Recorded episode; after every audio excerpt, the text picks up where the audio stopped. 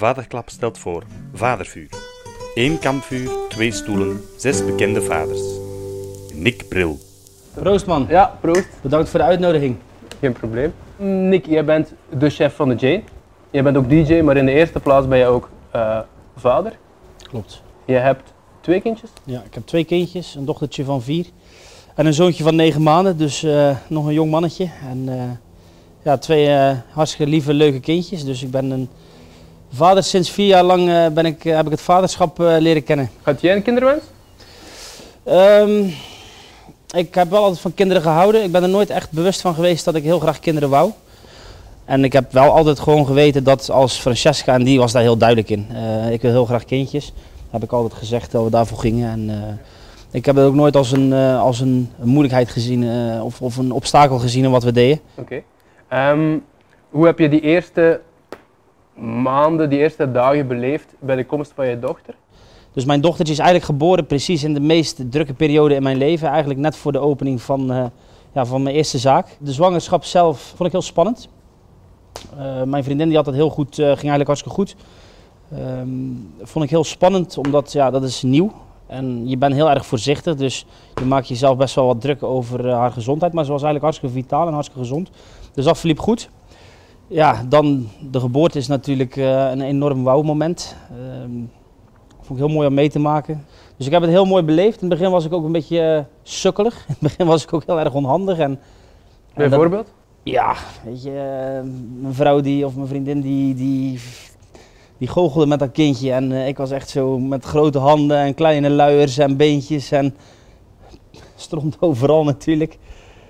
En in welke mate heeft het vaderschap u veranderd? Ik denk dat het me vooral, eh, niet zozeer bij mijn dochter, maar nu bij ons tweede kind, dat, dat het me een stuk volwassener heeft gemaakt. Eh, Ik ben enorm carrièregericht, enorm gedreven op, eh, op mijn professionele kant. Maar ik ben ook rustiger geworden als ondernemer en ook rustiger als, als professional. Omdat ik me ook nu heel erg goed besef dat er ook nog iets naast ambitie en, en drive is. En dat er ook nog iets ja, is zoals je kinderen aan je thuisfront. En, dus het heeft me ergens wel een ander, een ander inzicht gegeven. En, het is nu niet dat ik... dat ik minder ambitieus ben. Maar ik sta wel zeg maar altijd op een soort stand-by modus. Uh, moesten dingen misgaan thuis, dat ik eh, ook het zakelijke aan de kant durf te zetten om eventjes echt de aandacht aan, aan de thuissituatie te geven. Dat is iets waar ik vroeger nooit eh, over nadacht. En welk soort vader wil je zijn? Nou, ik hoef geen vader te zijn en ik ben ook geen vader die eh, 24/7 bij zijn kinderen wil zijn. Ehm, ik denk dat eh, eh, wat ik ze wil meegeven is een warm gevoel. Ik kom zelf ook uit een, eh, uit een jeugd waar mijn vader eigenlijk op mijn vierde ehm, is vertrokken, is naar Zwitserland vertrokken. Dus ik heb eigenlijk geen echte vader. Tenminste, ik heb wel een stiefvader gehad die een, stuk die rol heeft ingevuld. En ik wil voor mijn kinderen vooral een, eh, een stabiele vader zijn. Iemand die, eh, ja, die leuk is, eh, ook streng moet zijn, maar ik, ja, ik hoef ze niet continu aan hun handje vast te houden, denk ik. ik. Ik hoop ze elke dag gewoon eventjes te zien. En in dat momentje hoop ik ze het gevoel te kunnen geven dat, dat ik er voor hun ben. En eh, probeer ik gewoon een, eh, een warm nest te bieden. Dat is het vooral. Laten we het eens hebben over angst. Hè. Ehm, heb je meer angst nu je vader bent? Nee, ik heb wel meer verantwoordelijkheidsgevoel. En ik heb ook wel meer het gevoel dat, eh, dat ik stabiliteit moet, moet realiseren. Wat ik natuurlijk wel heel erg heb gevoeld is... Mijn dochtertje is doof geworden. Eh, dat is een traject geweest waar we natuurlijk best wel... ehm, ik denk rond haar tweede ongeveer is dat, is dat echt aanwezig. Is dat echt merkbaar geworden. En een maand of acht geleden zijn we echt achter de realiteit gekomen dat ze doof is. En toen ben ik wel even angstig geweest. Toen heb ik wel even een klap gekregen, emotioneel echt een hele dag wel even stuk gezeten. Maar ben ik wel heel bang geworden wat als dit niet goed komt. En ehm, ik ben een gevoelsmens, eh, ik ben bezig met entertainment, ik ben bezig met sfeer in het restaurant als DJ zijnde. Dus voor mij is geluid, zelfs in de keuken met 20 koks rond je heen, is geluid super, super belangrijk. Eh, in mijn omgeving, in mijn werkomgeving is geluid, eh, ik denk misschien wel een van de meest belangrijke zintuigen. Dus ja, dan, dan besef je opeens van, damn, weet je, je, je dochter gaat een heel groot stuk van haar leven anders beleven of misschien wel niet beleven. En toen heb ik dat wel even als angst ervaren. Ja, jij moet een sterke factor zijn. Hè? Dus als jij angsten gaat uit, of als jij in, in angst gaat leven, ga je veel te beschermend zijn naar je kinderen toe. Dus probeer juist heel erg open te zijn en, en, en ze te laten kind zijn zoals ze moeten doen. Dus eh, daar niet te krampachtig in te zitten. nee. Oké. Heb je schrik om te falen als vader? Nee, ik denk het niet. Ik merk, eh, ik merk goed aan mijn kinderen dat eh, ondanks, weet je, ik ben echt niet een ideale vader. Zeker niet qua, qua tijd en, en zeker niet qua aandacht soms. Want als het zakelijk heel zwaar gaat, kan het best zijn dat ik afwezig ben. Maar ik hou me heel erg vast aan die, ros- die rustblokken van die zeven weken per jaar. Dat dat voor mij echt het moment is om, om terug te geven. En, en ja, drie keer per week komen ze in de zaak langs, eten ze even mee. En dan hebben we een heel klein familiemomentje. En wat eten ze dan? Eh, ja, personeel eten mee hè. Dus wij eh, eten eigenlijk met een hele grote familie van eh, bijna 70 man. Dus dan, ze eet wel goed mee in wat we doen. Ze is nog niet echt culinair aangelegd. hoor. Dus niet als ze ehm hoog gastronomisch is. Ze hebben nog tijd. Hè. Daar hebben we nog tijd mee, ja. Laten we het eens hebben over eh, geluk. Waar haal je geluk uit? Ik denk dat ehm, nu mijn dochter ook eh zie openbloeien weer met eh, de stappen die we nu zetten. Ze heeft een cochleair implantaat. Oké. Dus ja, de, de spaarzame, fijne momenten in dat simpele gezinsleven geven mij heel veel voldoening.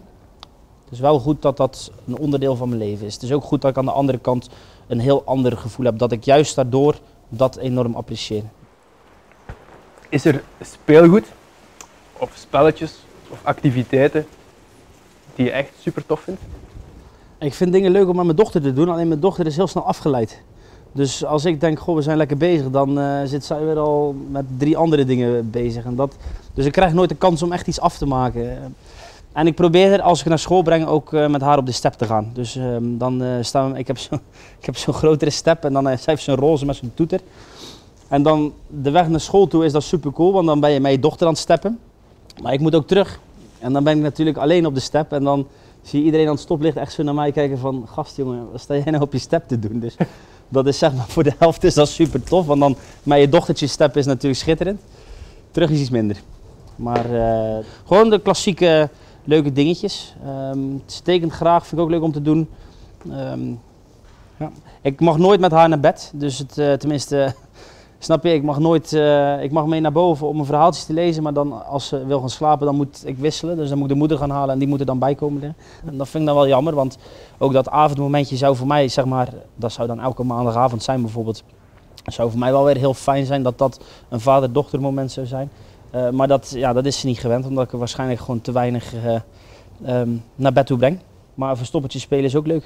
Ik vind het gewoon tof als ze enthousiast is dat, dat ze zelf ook zin heeft om dingetjes te doen. En natuurlijk de kleinste die, eh, ja, die vindt het leuk om eh, rondjes te draaien. En eh, die is echt nog, ja, die is gewoon nog hartstikke jong. En Ja. die vindt alles goed. Die is super rustig en die vindt alles prima. Dus dat gaat hartstikke goed. En wat lees je tegenwoordig op maandagavond? We hebben voor, voor ehm, Studio Brussel met de warmste weken hebben we een actie gedaan. Het goede doel was Doof Vlaanderen.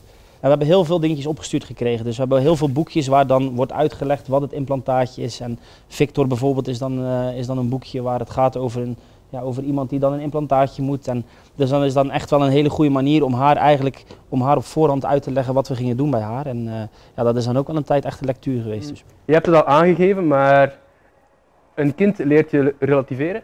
Ja, ik zal eerst nog een keer wat hout erop smijten, hè, want eh, relatief koud hier. Ehm, een kind leert je relativeren.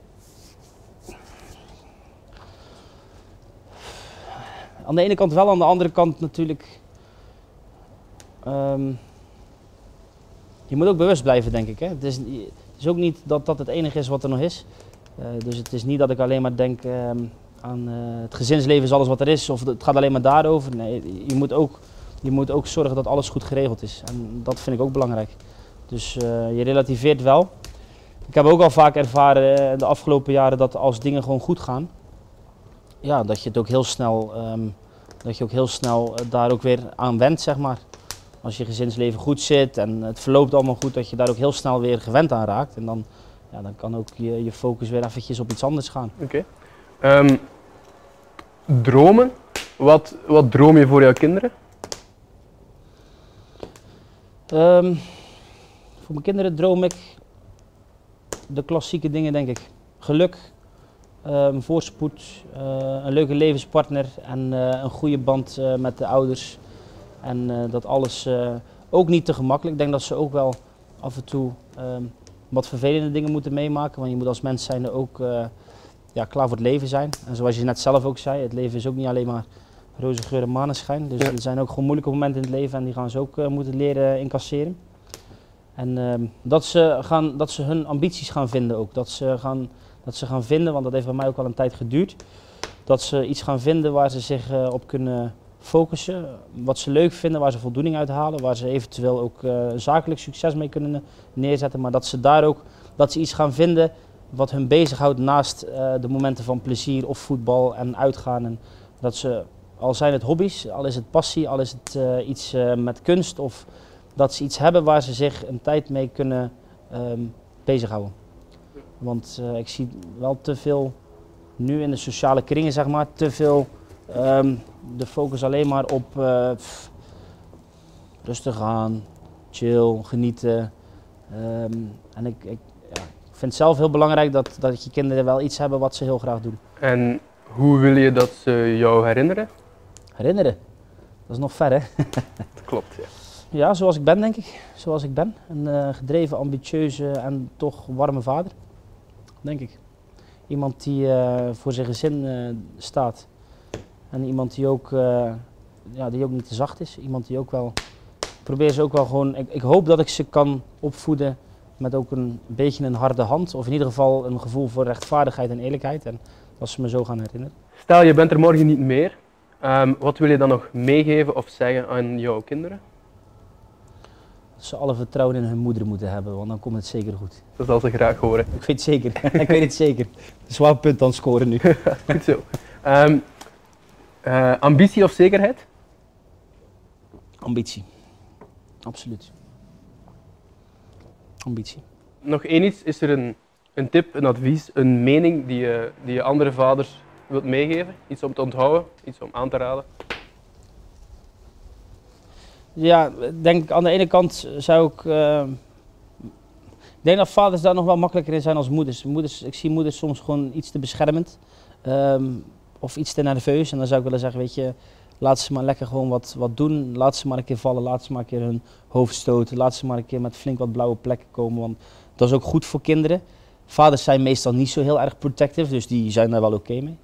Ehm, iedereen zegt, het gaat zo snel voorbij, dus probeer daar ook gewoon rekening mee te houden. En, eh, enjoy the moment. Ja. Oké, mooie afsluiter. Dankjewel voor het interview. Leuk.